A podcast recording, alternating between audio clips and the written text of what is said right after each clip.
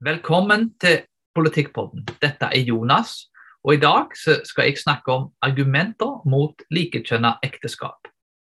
Det første jeg vil si, er at jeg vil bare klargjøre at eh, jeg snakker om likekjønna ekteskap som en institusjon, og ikke om homofile som individer. Det er ufattelig viktig å skille mellom sak og person. Nå vet jeg at dette er en, en følsom sak, og en ting som uh, mange mener en ikke bør snakke om i det hele tatt. Men uh, for min del så, så, handler ikke dette om personer eller om følelser, til tross for det er viktige ting. Men det handler om da, en, en, filosofisk diskusjon og argumenter både for og mot likekjønnet ekteskap som en institusjon. Når en forandrer på ekteskapet, så er en med å forandre på en institusjon som påvirker oss alle, direkte eller indirekte. Så vi kan ikke bare sitte her som passive medlemmer og late som om dette ikke påvirker oss. Og Nettopp derfor er det viktig å ha denne diskusjonen. Eh, jeg mener at vi får høre såpass mye argumenter for likekjønnet ekteskap, daglig nesten, og for dette, alt dette med kjønn, at jeg tenker at det er greit å ha noen argumenter imot, sånn at det får litt balanse i debatten. Og Dermed da så ønsker jeg å tilrettelegge for noen argumenter som jeg syns eh, er tilfredsstillende da, og, og, fornuftige. Det første argumentet da er at en sier at kjønn er ubetydelig i et ekteskap når en godkjenner likekjønna ekteskap. Når en sier at eh, likekjønna ekteskap er likestilt med et monogamt heterofilt ekteskap, så sier en altså at et kjønn er ubetydelig. Kjønn betyr ingenting for at, hvordan et ekteskap er og hvordan et ekteskap bør være. Og Når en sier at kjønn er ubetydelig, så åpner en opp for hele kjønnsrevolusjonen. Da begynner en med å godkjenne likekjønnet ekteskap til å argumentere for polygami og ekteskap mellom flere, som, som, flere unge i dag argumenterer for. Og For en 25 år siden så, så var det ingen som hadde trodd at vi kom til å ende opp der vi er nå. Eh, men eh, det som jeg nevner nå, at, at det åpner opp for hele kjønnsrevolusjonen, det er ikke noe som, som, er spekulativt, det er noe som faktisk har skjedd. Mange sa tilbake da at uh, dette kommer aldri til å skje, det var ikke noe å bekymre seg for. Og Folk bare lo det vekk, at dette kommer aldri til å bli tilfellet i framtida. Men det har skjedd, og det skjer. Og det går lynende fort. Det går ufattelig fort, utviklingen. Hvor vi kommer til å ende opp, hvor endestasjonen er, eller om det hele tatt er noen endestasjon, ja, det, det er vanskelig å, å vurdere. Så vi er faktisk på vei mot en plass der ja, uh, en ikke lenger kan, kan, kan, eh, avvise at menn kan føde barn. Hvis en sier i dag at menn kan ikke føde barn, så er det en stor gruppe, spesielt i det offentlige, som blir ekstremt fornærmet og en blir beskyldt for å diskriminere folk. Så så langt er vi kommet. Og hvor vi ender opp, vet jeg ikke da. Men uh, det virker som veien er fortsatt på, på god vei videre. Dette har ledet til at eh, mange unge kvinner i dag har lov til å kutte av brystene sine. Hvis, hvis dette skjedde for en, ja, en 25-30, kanskje til 40 år siden, så ville altså en person da, som identifiserte seg som en armløs mann, og så jeg vil kutte av armen min, for jeg er en armløs mann, det er identifikasjonen min, så hadde han blitt sendt inn på galehuset. I dag altså, kan unge kvinner, som uh, unge jenter er det vel ofte, som, uh, som uh, ja, ikke vet noen ting om livet, kutte av sine egne bryster i menneskerettighetens navn. Og dette blir regnet som sosial rettferdighet og et gode for samfunnet. Dette blir oppmuntret til, ofte i strid med foreldrene. Dette er det det har ledet til. Det vil være mulig i dagens verden å forsvare mange andre kjønnsformer og kjønnsutvikling og, og nye ekteskapsformer.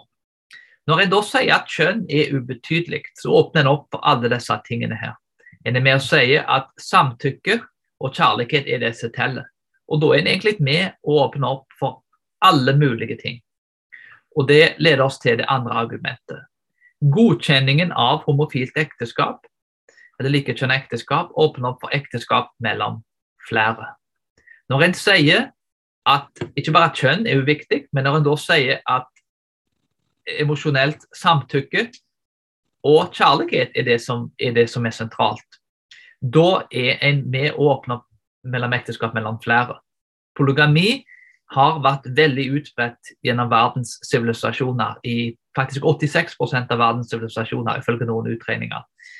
Så polygami er faktisk en mye mer utbredt altså flerkoneri, en mye mer utbredt form for ekteskap enn monogami, sånn som vi har her i Vesten. Og her i Vesten er i gresk og romersk kultur så, så, var det veldig vanlig at menn da hadde til tross for det var et monogamt ekteskap, så hadde de likevel stor seksuell frihet, da, mens kvinner ikke hadde det.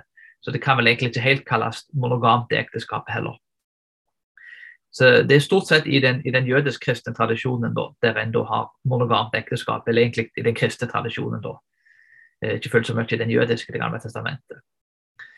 Eh, og dette er jo da veldig skadelig for kvinner spesielt. Eh, de bibelske historiene er faktisk veldig presise med det at de fremstiller polygami som en veldig negative ting.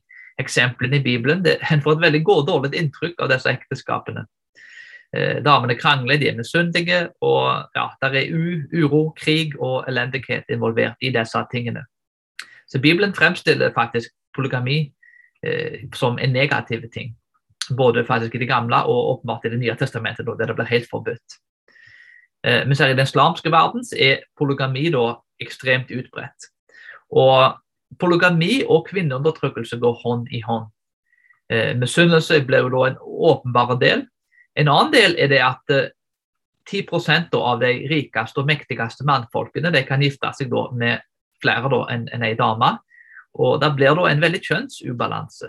Det vil være masse unge mannfolk da, som ikke har ressurser, som ikke vil være i stand til å kunne finne seg eh, en kone. Og dermed så, så, vil du ha mange unge, sinte menn da, så, som ikke kan gifte seg. Og da får du som regel, i hvert fall historisk sett, eh, et veldig voldelig samfunn. Og det har du bl.a. i mesteparten av de landene der islam dominerer. Det snakker ikke om vestlige sekulære muslimer som egentlig ikke følger islam, men jeg snakker om de landene der faktisk, som faktisk blir styrt av islam, som er store deler av de islamske landene i verden, i Midtøsten og, og land som, som bl.a. Pakistan og, og deler av India. Så polygami og kvinneundertrykkelse går hånd i hånd. Og Når en da godkjenner homofilt ekteskap, så åpner en opp for ekteskap mellom flere. Dagens bekymring i dag er vel kanskje ikke det at folk kommer til å gifte seg med flere. det er vel, det Folk flest kommer vel ikke til å gifte seg med noen. Samboerskap er vel den mest utbredte formen, og i hvert fall kommer til å bli den mest utbredte formen i framtiden for, for uh, ja, seksualitet og, og det og måten å organisere seg på i forhold. Men eh, det ville være utbredt i samboerskapene at eh, det ville være forhold mellom flere. Og dette vil ikke være en positiv og konstruktiv ting, verken for barn eller de som er involvert i forhold til sikkerhet og andre ting. Det tredje argumentet er at homofilt ekteskap skader religionsfriheten. Dette har vi to eksempler på i Finland, der eh, en, en prest og en parlamentsdame faktisk ble ja, fikk store rettslige problemer da, som et resultat da, av at de sto på den bibelske definasjonen da, i forhold til kjønn. Så, så, dette skjer faktisk i Finland, som et land da, som har mange likhetstrekk da, med, med, oss. Vi ser også i Amerika, der uh, det var en som eide et bakeri som har vært i mange saksmål pga. Eh, dette. Han ville ikke da bake kake da, til, til, et homofilt par. I tillegg da, så har du folk som selger blomster og andre ting. Så dette er ikke et, et spørsmål om samvittighetsfriheten og religionsfriheten som er grunnlovfesta i Norge, og ord som er del av, av menneskerettighetserklæringen, iallfall knytta til Grunnloven. Uh, det er ikke spørsmål om dette skjer, det er faktisk noe som allerede har skjedd, og også noe som faktisk kommer til å skje i framtida. Så ofte blir vi fortalt at dette er, ja, en trenger ikke være redd for noen ting, og alt går bra. Og Det håper jeg selvsagt de gjør, men, eh, men, det er åpenbart at når en da forandrer ekteskapet, så er en med og ser en utvikling der en faktisk står i ferd med å miste de grunnleggende rettighetene sine. Og det vil bare bli verre og verre ettersom denne, denne forståelsen vil være den definerende i kulturen. Og presset blir stort nok, så vil den ligge tynt an hvis saksmål kommer.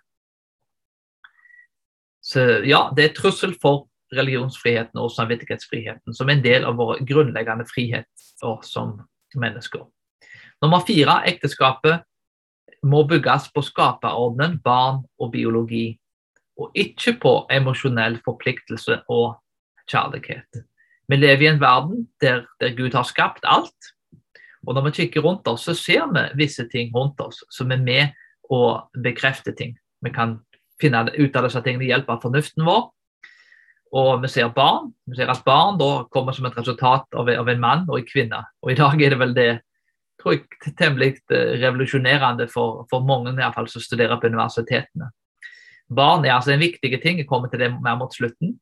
Men også biologi. Vi vet hvordan biologien fungerer. Og ved hjelp av fornuften så, så klarer vi å legge sammen to og to. Og, og kunne bekrefte at et ekteskap må bygges opp på skaperordenen, barn og biologi. Der med hjelp av fornuften kan få disse tingene bekreftet.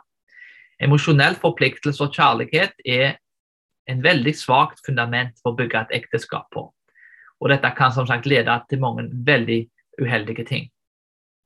Skaperordenen, barn og biologi er, med, er, ting som er med å knytte ting sammen, og knytte kjønnene sammen.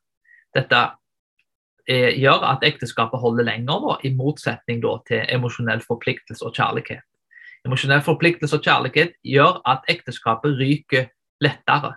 At dårlige ekteskap igjen er jo da negativt for alle som er involvert, og vil gjøre, skape dårlige samfunn og dårlige nasjoner. Så igjen, ekteskapet må bygges opp på et godt fundament. Å skape ordnet barn og biologi er ikke det eneste fundamentet, men det er et betraktelig bedre fundament enn emosjonell forpliktelse og kjærlighet. Dag, I dag så går ting i feil retning, og en ser som et resultat av dette at familien da ble redefinert og ødelagt, så får en da, ifølge Joe Dallas, da, som var en, en, en uh, homofil i, i, lang tid, men da i dag gift med, med, med barn, uh, og har, har, da skrevet en del bøker da, imot likekjønnet ekteskap.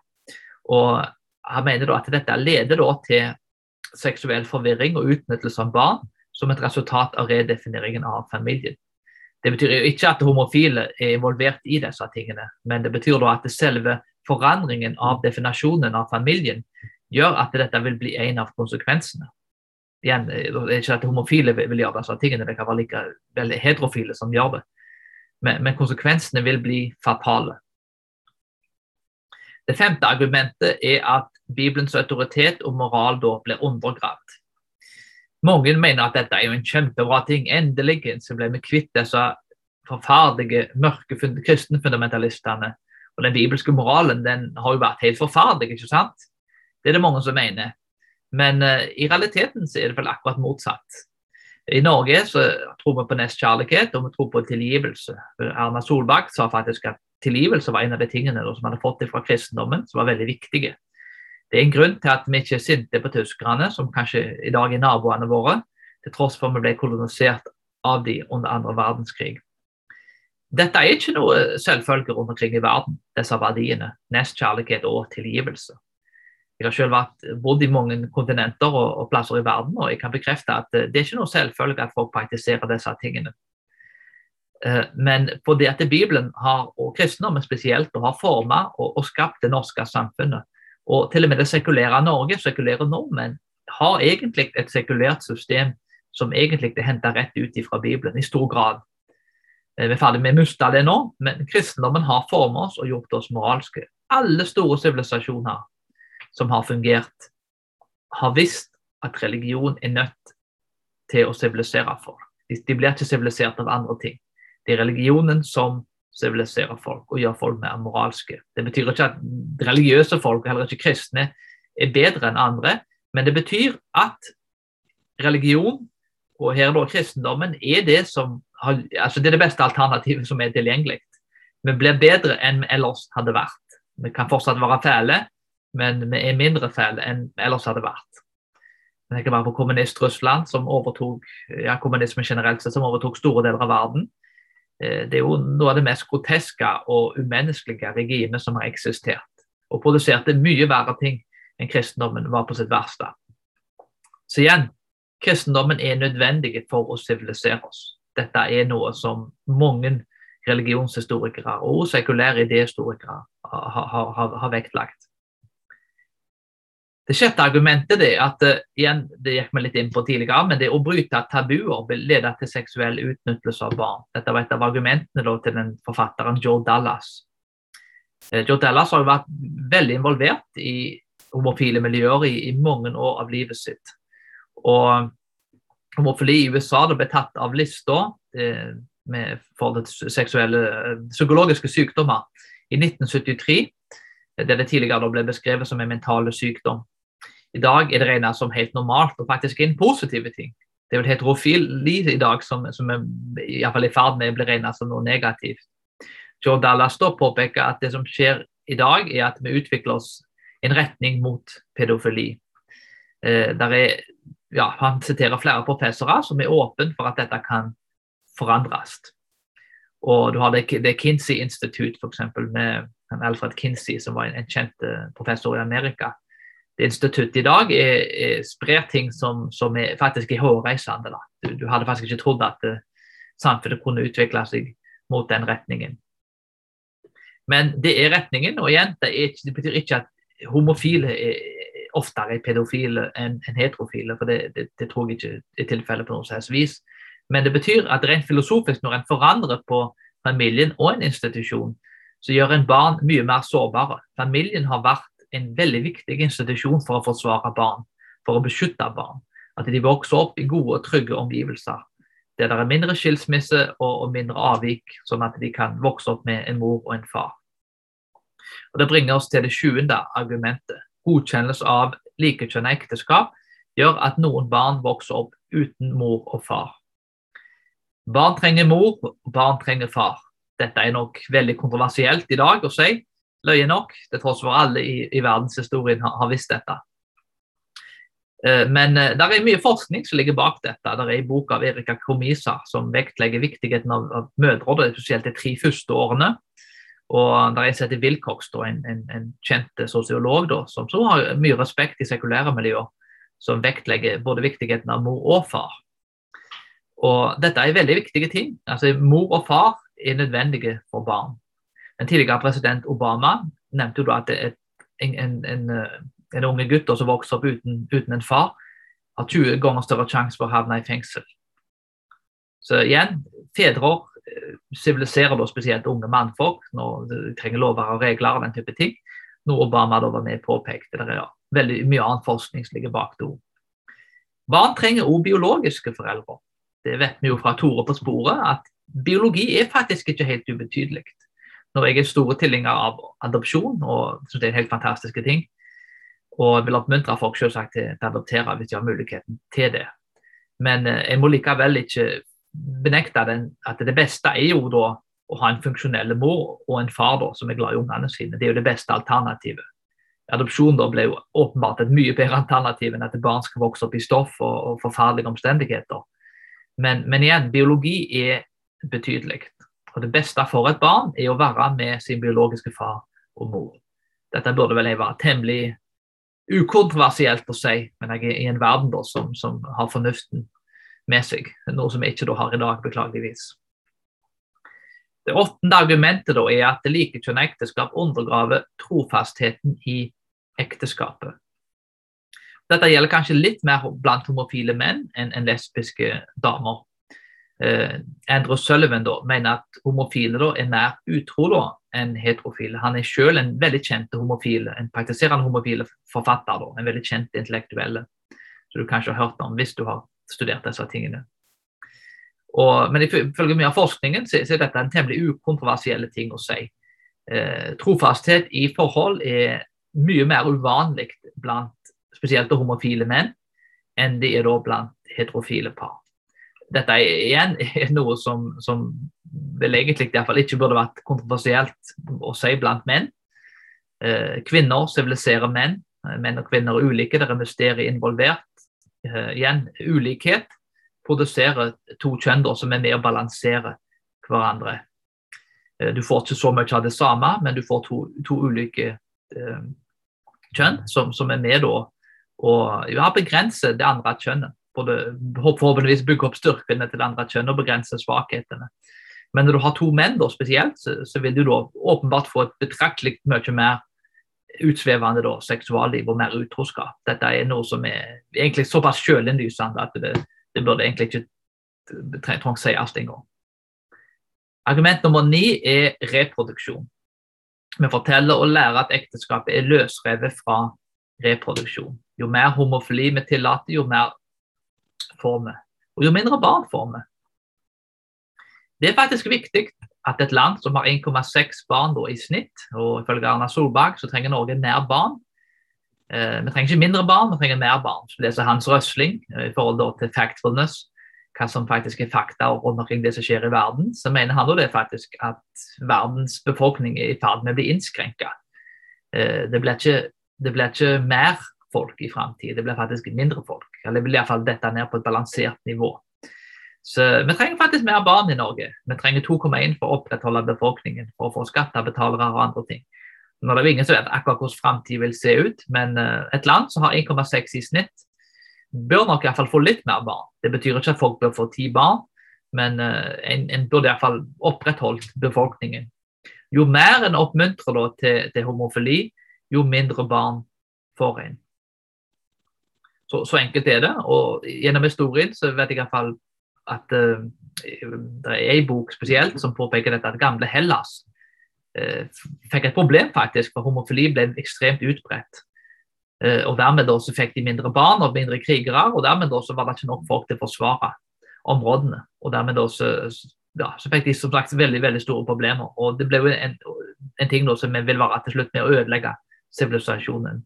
Utbredelse av homofili, noe som var utbredt blant romerne og grekerne, men det var betraktelig mer utbredt på slutten og rett før sivilisasjonen deres ble ødelagt. Eh, det har vært veldig vanlig i sivilisasjonens historie og utvikling at eh, det har vært en mye strengere seksual- og moralkode når sivilisasjonen utvikler seg. Men når sivilisasjonen står for fall, så er et seksualt utsvevende liv noe som er mye mer normalt. Så når en da har utbredelse av homofili, og, og generelt sett mye utroskap og, og løs seksualmoral, så er det ofte et tegn på at sivilisasjonen og, og, familien og, mye av de grunnleggende tingene er i ferd med å ødelegges. Og dette er det også mange sekulære forfattere som, som bekrefter. Bertrand Russell f.eks. Var, var med og la fram en lignende type argumentasjon. Jeg setter Zimmerman da, i 'Family or Civilization' legger fram en lignende argumentasjon der. Nummer ti, den sosiale funksjonen forsvinner om vi godkjenner homofilt ekteskap. Vi tenker ofte på at ja, men det er jo ikke alle heterofile par som kan få barn. Eh, det mener jeg at det egentlig ikke har fullt så mye å bety. Fordi at den sosiale funksjonen som et heterofilt og monogamt ekteskap har, gjør at den, en kan opprettholde den sosiale funksjonen med å ha to ulike kjønn. Det betyr da at uh, en kan gjerne bli en, en veldig god onkel og en tante Eh, en kan eh, ja, delta i aktiviteter, en kan hjelpe andre barn på ulike måter i samfunnet. Fosterbarn, adopsjon, andre ting. Som gjør at den sosiale funksjonen som et heterofilt monogamt ekteskap har, som et homofilt ekteskap ikke har, der to kjønn utfyller hverandre, den vil bli opprettholdt til tross for at et heterofilt par ikke kan få barn. Så den sosiale funksjonen er der uavhengig om de får barn eller ei.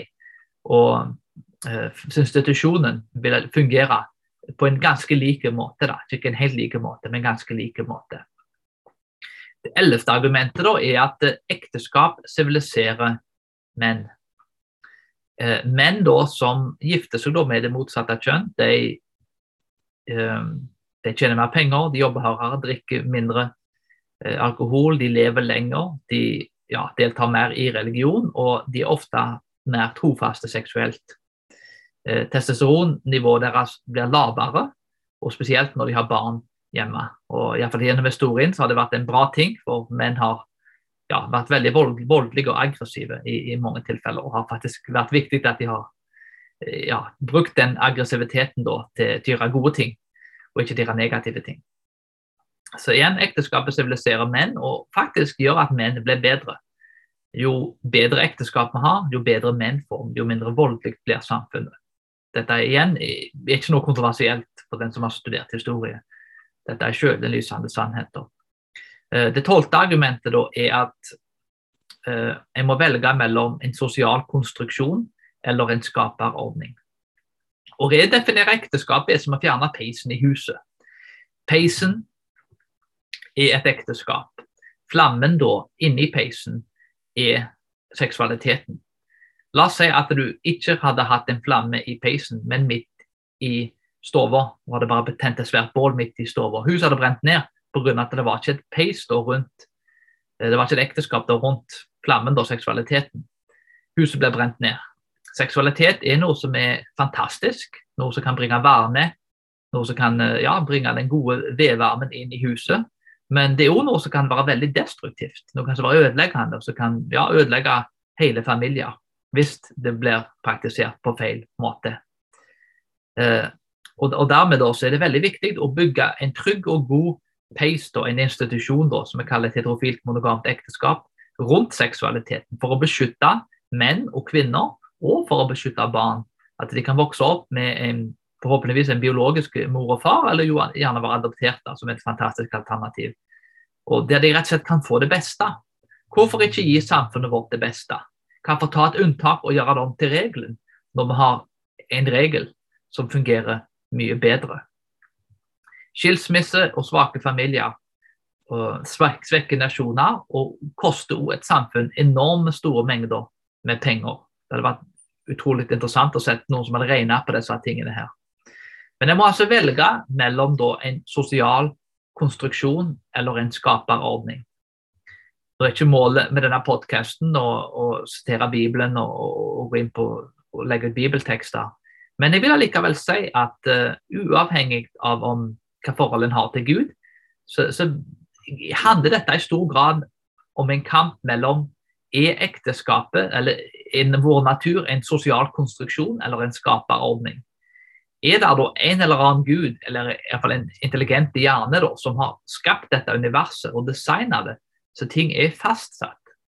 Ting kan selvsagt forandre seg til en viss grad, men, men, samtidig så vil det være visse begrensninger til hvordan ting kan forandre seg. Eller er menneskenaturen et hvitt ark, som Mao Zedong sa, kommunistlederen i Kina?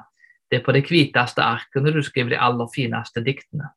Kan menneskenaturen kan en skrive nye ting inn i menneskenaturen og forvente at menneskenaturen skal ja, forandre seg? At han skal operere akkurat motsatt av hvordan han har operert gjennom hele menneskets historie. Og Måten du svarer på dette spørsmålet på, vil være veldig avhengig av om du ser på menneskenaturen og ekteskapet som en sosial konstruksjon eller en skaperordning. Jeg mener at ekteskapet er en skaperordning, og jeg mener at de argumentene som, som jeg har vektlagt her, er ufornuftige argumenter som er tilgjengelige for alle. Så uavhengig om, om, om en er religiøs eller ei, så kan en i det minste anerkjenne at det er noe skapt over ordningen. Det er noe skapt over den. Og dermed da, så, så, er det visse ting da, som en rett og slett ikke bør forandre på. For forandrer en på det grunnlaget, så vil en velte om familien. Når en velter om familien, så vil en velte om samfunnet. Når en velter om samfunnet, så vil en velte om nasjonen. Og når en velter om nasjonen, så vil en velte om sivilisasjonen. Og det vil være ufattelig ødeleggende for framtida til oss og de rundt oss. Takk for meg. Jeg håper at eh, disse argumentene var til, til nytte og til hjelp. Og forhåpentligvis så vil det hjelpe til at eh, flere vil kunne få en forståelse av hvor viktig det heterofile, monogame ekteskapet er. Og at det faktisk er en del gode argumenter mot likekjønnet ekteskap. Ikke fordi jeg presenterer de argumentene. Disse argumentene er, er, ja, har blitt presentert av folk som er, som er mye smartere og kunnskapsrike enn meg. Men fordi argumentene i seg selv gir mening, og fordi de er basert på en skaperordning og en sunn fornuft. Vi snakkes.